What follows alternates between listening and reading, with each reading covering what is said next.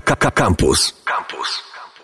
Witam wszystkich z tej strony Kręte Ścieżki, Mateusz Rudy-Kubiak i dziś opowiem Wam o moim wyjeździe do Kijowa, wyjeździe w ramach pomocy humanitarnej z Fundacją Dobry Człowiek. Więc y, wszyscy pukali się w głowę, mówili, Boże, gdzie ty jedziesz? Działania wojenne, to będzie straszne, na pewno źle skończysz i tak dalej. To, co się słyszy od znajomych e, w takich sytuacjach. Nie przejmując się jednak tym, zapakowaliśmy busa i ruszyliśmy w stronę Kijowa. Jechaliśmy wzdłuż granicy z Białorusią, tak zwaną trasą warszawską i dość szybko okazało się, że e, obowiązuje alarm. Obowiązywał dlatego, że po stronie białoruskiej wystartowały myśliwce i zaczęły się gdzieś tam kręcić, więc uznano, że mogą zacząć strzelać i był alarm. Z czym się wiąże alarm? Między innymi z tym, że weszliśmy do e, restauracji, zapytaliśmy, czy dostaniemy obiad. Pani powiedziała, że oczywiście, ale obiad musimy zjeść w piwnicy. Mhm, w piwnicy. No dobra, to trudno. Poszliśmy na stację benzynową, gdzie zjedliśmy najlepszy barszcz e, ukraiński, jaki nam się trafił na tej wycieczce, ale w międzyczasie wywaliło prąd na stacji. Wygląda to wtedy w ten sposób, że chwilę trwa brak i oni odpalają swój generator. To można zauważyć, że na stacjach wszędzie stoją generatory jakby za stacją. E, Są na to wszystko gotowe. Ale czasami, jak jest alarm, to stacja może być nieczynna, także trzeba być też na to, na to przygotowanym. Jechaliśmy i jak, jak wygląda ogólnie droga? Przede wszystkim są e, blokposty cały, cały czas. Niektóre działają, niektóre nie działają. Na tych działających należy zwolnić.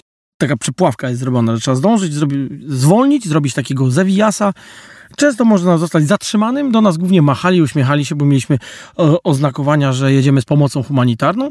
Są to najczęściej z workami z piaskiem, e, z płyt betonowych, tak, tak, takie mm, domki, można powiedzieć, no żeby tam sobie żołnierze siedzieli w każdym razie, żeby, żeby mieli się gdzie ogrzać, mieli się gdzie schować. E, I mm, mnóstwo jest takich mm, tych krzyżaków, takich po- pospawanych e, szyn, które mają blokować czołgi i e, ciężarówki i one są dosłownie wszędzie. To myślę, że na długie lata jeszcze zostanie taką wizytówką Ukrainy po tej wojnie, bo to leży, żeby po prostu jak tylko gdzieś się pojawią fani ruskiego miru, żeby móc wrzucić, e, rozrzucić to po drodze, żeby, żeby drogę zablokować, żeby oni dalej nie mogli jechać. Druga sprawa to są mosty. Przy każdym moście, jak dojeżdżamy, też mamy silnie ufortyfikowane oba, oba jakby brzegi mostu. Czasami może nie być żołnierzy, ale jakby wszystko jest w gotowości, także oni się w każdej chwili mogą pojawić. Są okopy, zbudowany kibel, są też to właśnie takie miejsca, gdzie oni mogą, takie schroniska, gdzie mogą, mogą się schować, są stanowiska do karabinów maszynowych, to, to widać, ale jest to na razie skitrane. Jadąc dalej, w pier- myślałem w pewnym miejscu, że przejeżdżamy przez rondo, ale okazało się później, że jest to po prostu dziura po rakiecie, wypełniona tak na szybko asfaltem, asfaltem tak. No i potem podszedłem tam porozmawiać z żołnierzem, powiedział, że tak, tak, to jest dziura. Porozmawialiśmy sobie bardzo miło, gdzie jedziecie, wieziemy humanitarne rzeczy, o fajnie, fajnie, dziękuję. Wszystko nam powiedział i poszliśmy. No, była to dość ciekawa dziura, bo była dokładnie na środku skrzyżowania, także celowali w to, żeby rozwalić drogę, i to drogę w stronę Warszawy, więc y, tam, gdzie idą transporty z zachodu. No, ale mm, dojechaliśmy do Kijowa Rzeczonego. Tuż przy wjeździe mamy takie e, osiedle, na którym mieszka mój kolega. To jest coś już takiego, tak jakby piastów, takie jakieś ząbki, taki pierwszy po prostu graniczący z Warszawą. To już nie, nie, nie jest Kijów, ale się nazywa Kociubińsko je. I tam dojeżdżając do niego, pierwsze co, to było nie wchodźcie do lasu, bo cały las jest zaminowany. To jest las, jakby, którym mogliby wchodzić e, mogłyby wchodzić rosyjskie wojska. Przejeżdżaliśmy obok rozwalonego mostu e, w Irpieniu i wszędzie od strony tutaj e, Białorusi, od lotniska w Hostomelu i od tego, gdzie szły te słynne kolumny na Kijów, e, mamy bardzo dobrze ufortyfikowane wszystko. Wręcz wejście do Kijowa są okopy wzdłuż e, głównych m, dróg i to takie, nie wiem, wzdłuż Alei Jerozolimskich od wjazdu z Janek wykopali na przykład na wysokości, nie wiem, Ursusa e, czy Włochów, jak się zaczyna, jak się zaczyna Warszawa. I e, właśnie las zaminowany, wszystko bardzo, bardzo tak e, ustawione na, na obronę. E, Jak powiedział kolega, to już część rzeczy jest pozabierana, bo tam były jakieś rzucone stare ciężarówki, autobusy, żeby poro- porobić barykady. Wszędzie znowu są te takie, nie wiem jak to nazwać, te krzyżaki do, do blokowania wejścia ciężarówek i, i czołgów. Ale po samym Kijowie nie za bardzo widać, e, żeby, żeby coś tam się wydarzyło. Jak jechaliśmy mm, taksówką, to pokazywał nam facet, gdzie, gdzie robnęła rakieta. Nie wyglądało to jakoś, jakoś strasznie, ale było to jedno miejsce, tak? Po czym okazuje się, że przyjeżdżamy do centrum, a tam normalne życie, słuchajcie, metro chodzi, ludzie, nie wiem, siedzą w kawiarniach, no, zupełnie nie wygląda to tak, jakby tam miała być wojna, także to opowiadanie mi, że Boże, człowieku, gdzie ty jedziesz, co z tobą będzie, to jak tam pojechałem na miejsce, to się okazało, że te rozmowy były zupełnie bez sensu. Ja akurat mojej żony rodzina pracuje w Ławrze Pieczerskiej i tam poszedłem, okazało się, że z Ławry wygoniono cerkiew wreszcie rosyjską i tego dnia, którego ja byłem, było wielkie święto, ponieważ pierwszy raz od 1640 któregoś tam roku e, wreszcie ukraińska cerkiew odpaliła swoją mszę i wygoniła e, tym samym moskiewską. Nie wiem dlaczego tak długo to trwało, ale tak to, tak to wygląda. Kijów zupełnie spokojny. Kijów jest po prostu zwykłym miastem. Tam się dzieje życie takie samo jak w Warszawie, Krakowie czy gdziekolwiek indziej. Kawiarnie otwarte, knajpy, w ogóle super. Na wyjeździe z Kijowa to zupełnie co innego. Gdyż e, plan nasz był taki, że następnego dnia mieliśmy pojechać do Buczy i do Irpienia, z którego pochodzi nasz kolega, który e, studiował w Polsce, dobrze mówi po polsku, ma polskie pochodzenie i powiedział, że nas oprowadzi. Tak więc kolejnego dnia e, pojechaliśmy do Irpienia e, i do Buczy. Zdjęcia z tego wyjazdu zobaczycie na moim Instagramie, smutny i nudny, zapamiętajcie sobie. Campus. Jesteśmy w Irpieniu, a z nami jest człowiek, który tutaj żyje, mieszka, e, Aleksander Malinowski. Dzień dobry. Dzień dobry. No i chciałem się dowiedzieć oczami mieszkańca Irpienia i jak to, jak, jak, jak wyglądał początek wojny tutaj. No więc e, początek wojny dla mnie zaczął się od e, telefonu od mojej matki. To była godzina e, piąta rano. O tym, że zaczęła się właśnie wojna. I e, nie obudziłem się do końca, więc włączyłem telewizję i w telewizji zobaczyłem, że pokazują właśnie jak, jak wchodzą wojska rosyjskie do Ukrainy i jak odbywa się ostrzał naszych, naszych miejsc tutaj obok Irpieniu. Dobra, czy jakich miejsc?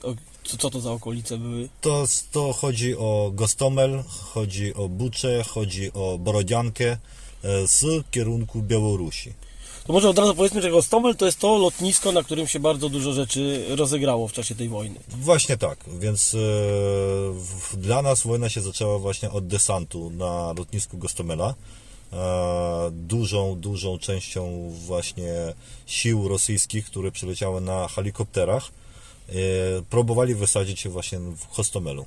No dobra, ale ty, jako, jako zwykły człowiek, co, co, co zrobiłeś i, i co jakby w takich sytuacjach, kiedy już wiesz, że zaczyna się wojna, co, co, co, co robiłeś? No bo wszyscy wiemy, że powinniśmy być tam jakoś na to przygotowani, tak? Tak.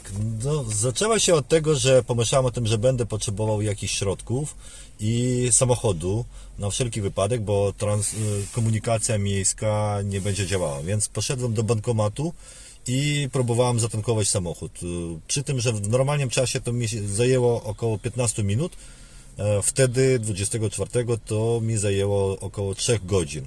I było bardzo dużo ludzi i po 3,5 godzinach w bankomatach już nie było gotówki.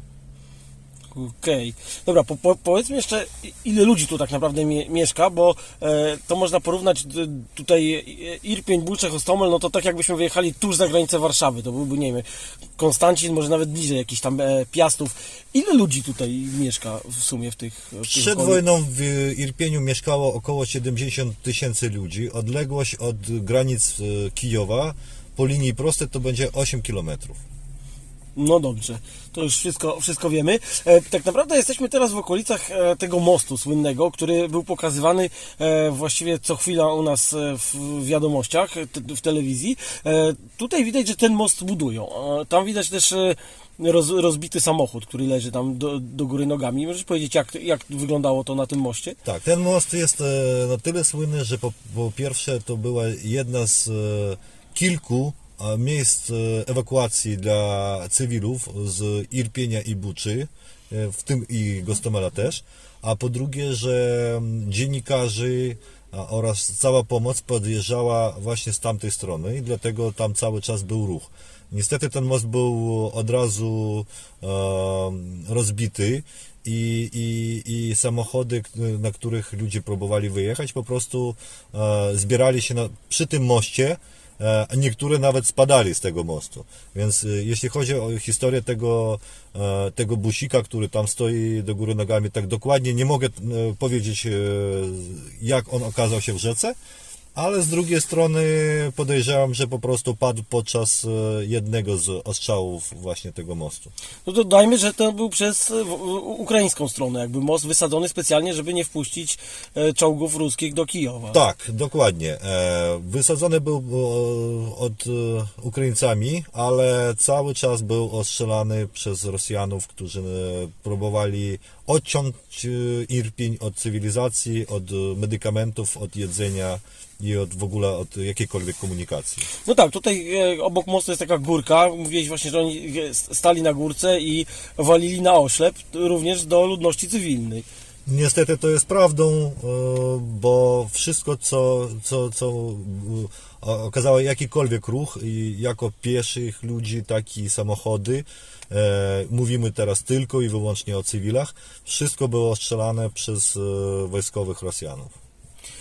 Ale co, oni po prostu nie pozwalali ludziom uciekać? No nie wiem, co im zależało, że sobie ludzie pójdą stąd. To, to jakiś Tak, dziwna sprawa. Wygląda to na to, że próbowali doprowadzić e, panikę wśród cywilów, bo e, jak już widzieliśmy w Irpiniu jest bardzo dużo rozbitych domów e, zwykłych, gdzie nie było żadnych wojskowych albo tam techniki wojskowej i prawdę mówiąc 26 wszystko co było wojskowe wyjechało z Irpiniu, więc e, e, podejrzewam, że celem było po prostu taki wpływ e, psychologiczny na ludzi.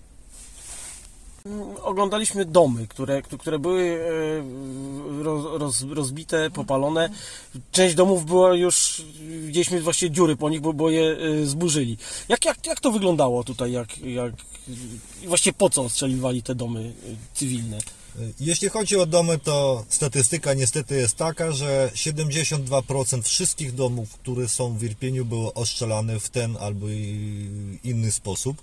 E, Z, tych, z tej ilości około 40% to są domy, które już są, nie nadają się po prostu do renowacji i odnawiania.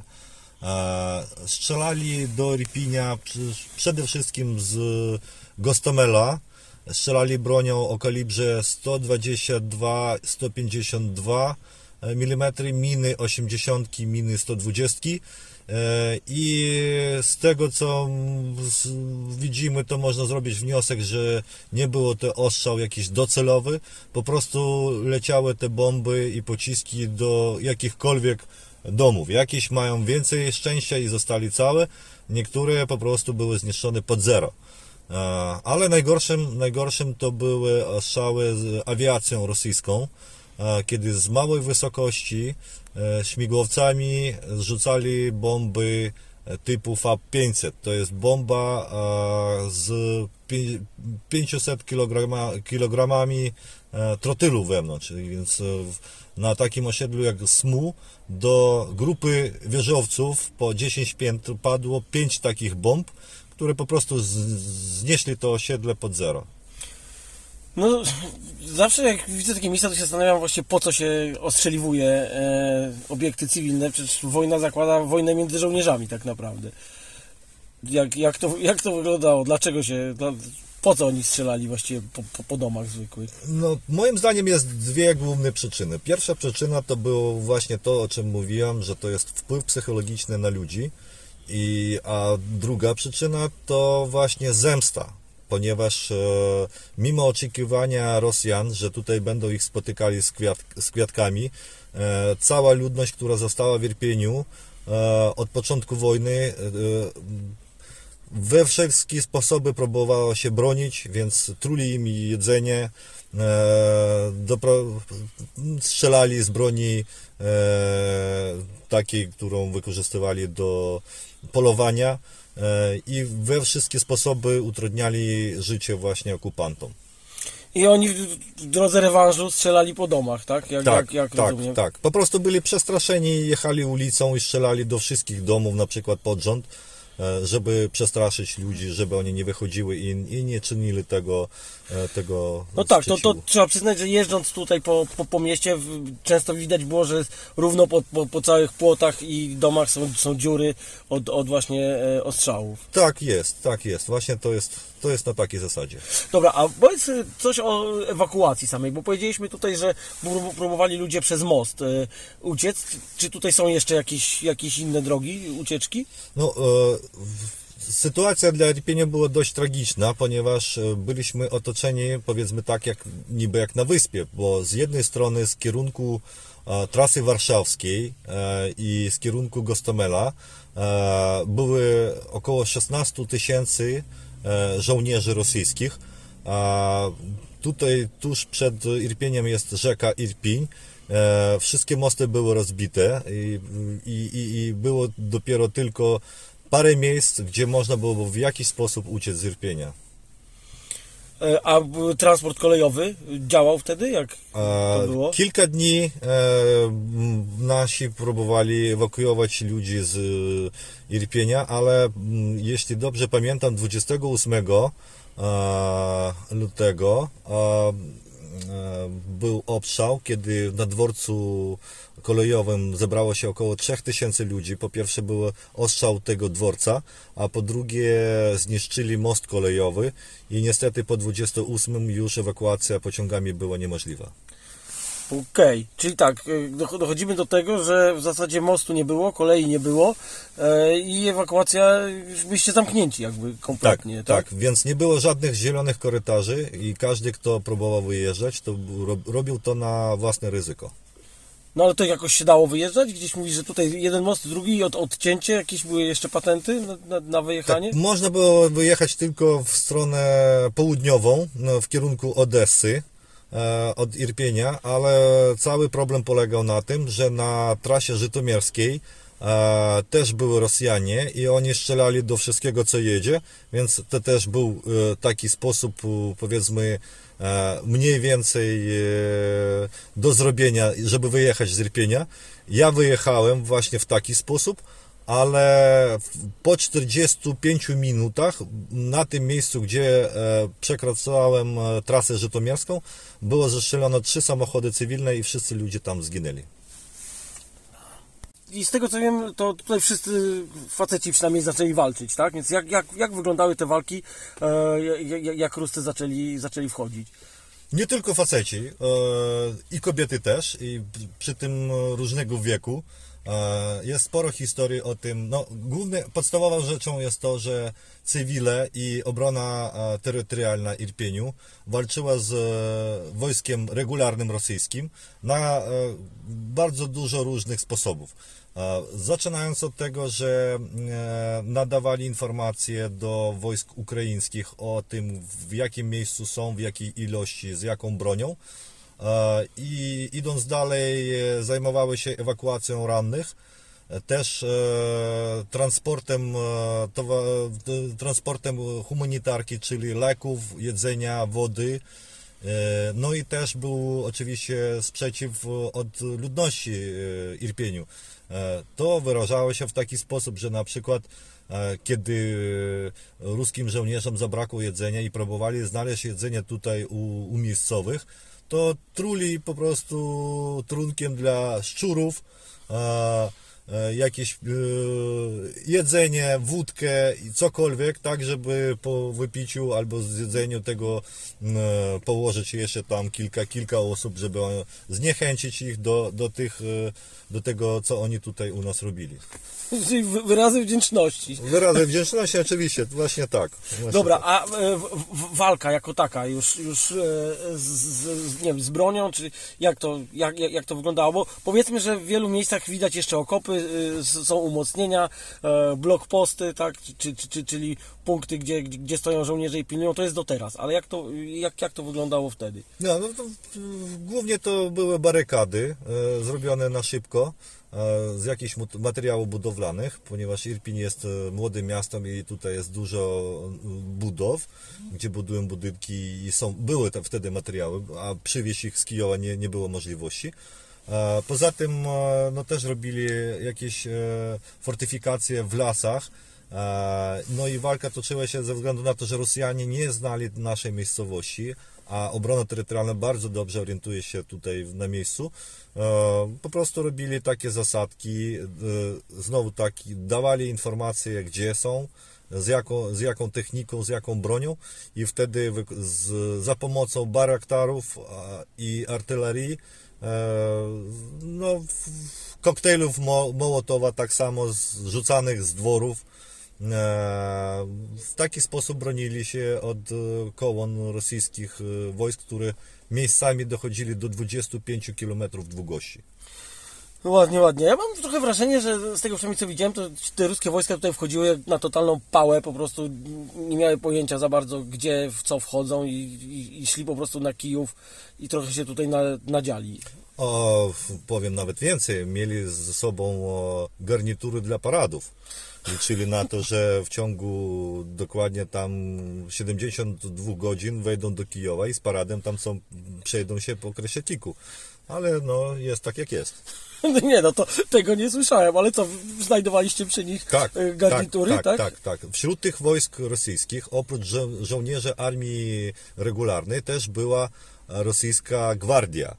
I właśnie ta rosyjska gwardia, e, o, o, głównym, głównym zadaniem tej gwardii to było w ogóle powstrzymanie cywilów do, od wszystkich protestów i właśnie takie, takie e, zadania paradowe powiedzmy, żeby pokazać jak, jak e, tutaj Ukraińcy będą chętnie e, czekać na Na, Rosjanów. na ruski mir. Na ruski mir oczywiście. Rozumiem, że, że chyba nie wiem, czy, czy żyją jeszcze ci ludzie, którzy, którzy tutaj zam- zamierzali wystąpić w tych garniturach, e, ale e, powiedz jeszcze, mówisz, że oni szli, czy oni zdobyli całe miasto, czy tutaj były jakieś część te, terytoriów takich, gdzie, gdzie, ich nie było po prostu? No, w ogóle to z prób e, wejścia do Irpinia było dziesiątki i w najgorszych e, sytuacjach gdzieś około 30% miasta było okupowane przez e, Rosjanów i na każdej ulicy, z każdego doma strzelali do tych Rosjanów, więc oni się bali e, i, i, i nie dali im- wejść do, do Irpinia całkowicie, ponieważ e, od Irpinia bronią o kalibrze 152 mm da się strzelać do centrum Kijowa, więc to był taki obiekt strategiczny. I można powiedzieć, że w jakiś sposób Irpiń uratował Kijów od, od e, właśnie obstrzałów i tylko dzięki temu teraz w Kijowie e, widzimy całe ulice, całe domy i, i nie- nie widzimy w Kijowie tego, co, co to można zobaczyć w, mm, w Irpiniu, a jak wiesz, to chyba różnica jest widoczna między Kijowem a Irpieniem. Byliśmy na takim cmentarzysku samochodów, to możecie zobaczyć e, sobie, tam jest Flowers for Hope, taka, taka akcja i one są pomalowane w e, słoneczniki, e, jeden z sztandarowych kwiatów Ukrainy. E, ja- Jaka jest historia tego złomowiska? Powiedzmy jak to wygląda, że jest to wielki parking, na którym są piętrowo po- porzucane samochody od jakichś totalnych paździerzy po naprawdę niezłe fury z silnikami V8. E, To samochody, które zostały rozbite, ostrzelane podczas właśnie akcji, e, które odbywały się w Irpieniu w marcu e, i końcu, w końcu lutego. Zebrali ich na kilka płacy. Po- Podejrzewam, że jest około pięciu takich cmentarzy samochodów. Po prostu w, w trakcie sprzątania miasta po ruskich, po, po tym rosyjskim mirze, więc każdy samochód to jest historia jakiejś rodziny, e, wolontariuszy, e, też wolontariuszy z obcych krajów, bo oczywiście, że naj, pierwsi wolontariusze, które przyjechały do Irpinia z zagranicy, to właśnie z Litwy, z Polski przede wszystkim bardzo dużo wolontariuszy, no i, i też dzi- dziennikarze, i, no i rodziny, które pró- próbowali wyjechać właśnie z tego Irpinia. Rzucali samochody, bo podczas wojny samochód nie, jeśli nie da się im wyjechać bezpiecznie, samochód traci swoją wartość. On po prostu jest nie do, do niczego i możesz im tylko dostać się do tego miejsca, odkąd idziesz na piechotę. No i, i, i, i, i potem o, w- zrzucali te samochody i, już było po nim. Dobra, docelowo, czy to one mają sobie tak zostać i tutaj leżeć e, jako jeden z pomników y, wojny? Jest kilka projektów, w tym projekt odnośnie tych samochodów, też projekt odnośnie tego mostu, że będzie zrobiony potem muzeum e, muzeum właśnie miasta Irpień, żeby dla, dla naszych dzieci i dla wszystkich ludzi, którzy będą tutaj przyjeżdżali, e, pokazać jak to wszystko odbywało się i jakie są skutki właśnie takiej wojny dla cywilnego Irpinia. Ogólnie dla wszystkich cywilnych ludzi. Słuchaj, jeszcze cie- ciekawy to takie atrakcja turystyczna już chyba teraz, e, czołgi e, leżące e, przy drodze. Czy z nimi się jakaś historia wiąże, czy to są po prostu jedne z wielu czołgów, których nie sprzątnięto i sobie tak leżą radośnie przy drodze? Tak, te ciągi to, to jest też taki przypominek dla wszystkich, którzy tutaj i mieszkają, i przyjeżdżają do Irpinia. E, Jak, to, jak w ogóle wtedy było, E, to e, skutki, te rozbite ciągi to są skutki heroicznych e, zachowań naszych żołnierzy, e, w tym też e, obrony terytorialnej Irpinia E, i e, po prostu, żeby można było porównać, że jeśli my palimy ruskim ciągi, to oni palą nam samochody osobowe. Właśnie tylko na to ich stać, bo z wojskiem ukraińską nie potrafią walczyć e, tak twarz do twarzy. Tak, a cywilom strzelać w plecy to już jest trochę łatwiej. Mm, Dużo łatwiej, oczywiście, gdy nie, nie, nie czyną żadnego sprzeciwu i nie mogą odpowiedzieć. A jak wy, wygląda sprawa teraz? Bo ty często powtarzasz tutaj hasło obrona terytorialna. To jest coś, co, z czego w, w Polsce się trochę pośmialiśmy, ale tak naprawdę to są formacje, które e, taką na przykład wojnę zimową e, od strony Finlandii e, wygrała tak naprawdę obrona terytorialna. I jak, jak, jak to wygląda teraz e, u Was? Obrona terytorialna to są e, współczynie e, zespół ludzi cywilnych, e, którzy nie mają przeważnie żadnego do czynienia do wojska, którzy są chęt, chętni do obrony swojego miasta Mm, i właśnie na, na nich trzyma się podstawowa obrona od miasta i też pilnowanie porządku, bo gdy nie ma policji, gdy nie ma straży pożarnej, gdzie nie ma pogotowia, to właśnie te wszystkie funkcje wy, wykonuje też obrona terytorialna. A oprócz tego e, zawsze to jest e, pomoc dla, dla wojska, bo wtedy łatwiej, bo wojsko też nie jest, nie wszystko wojsko, które walczy w Irpieniu pochodzi z Irpinia. I wyłącznie obrona terytorialna bardzo dobrze zna teren, zna ludzi i potrafi zrobić dużo e, więcej rzeczy korzystnych i, i szybciej zrobić to, aniż wojskowi. Rozumiem, że jesteście przygotowani, jakby Ruscy chcieli wprowadzać e, w dalszym ciągu ruski mir, to dos- dostaną po, po, po mordzie jeszcze bardziej. E, tak, jak najbardziej. Zrobiliśmy wnioski ze swoich też e, błędów podczas pierwszego mm, wejścia Rosjanów i jeśli będzie kolejne, to będzie jeszcze dla nich to będzie jeszcze gorzej. A poza tym podejrzewam, że to będzie ostatnia, ostatni ruch, który, na który stać e, armię rosyjską. Będą rozwaleni tutaj e, całkowicie. Na koniec e, trzeba powiedzieć, że poza tym, że tutaj jest sporo domów porozwalanych i tak dalej, no to jednak widać, że to się buduje, odnawia, ludzie wymieniają okna i tak naprawdę jak idziesz przez środek miasta, no to widzisz, że jesteś w zwykłym, spokojnym mieście i życie jest normalne. Tak, jak najbardziej. Część ludzi wróciło. Przeważnie to są ci, którzy wyjeżdżali podczas wojny w inne miasta ukraińskie, nie za granicę, tylko na przykład na, na zachód. E, Wrócili z powrotem do Irpienia i teraz e, na wszystkie sposoby starają się, żeby odnowić e, te piękne miasto, żeby znowu tutaj było spokojnie i żeby tutaj mogli spokojnie rosnąć na, nasze dzieci.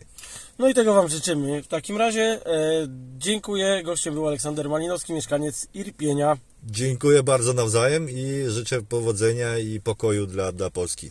Dziękujemy, to była audycja Kręte Ścieżki z Ukrainy. Pa! Słuchaj Radio Campus, gdziekolwiek jesteś. Wejdź na www.radiocampus.fm.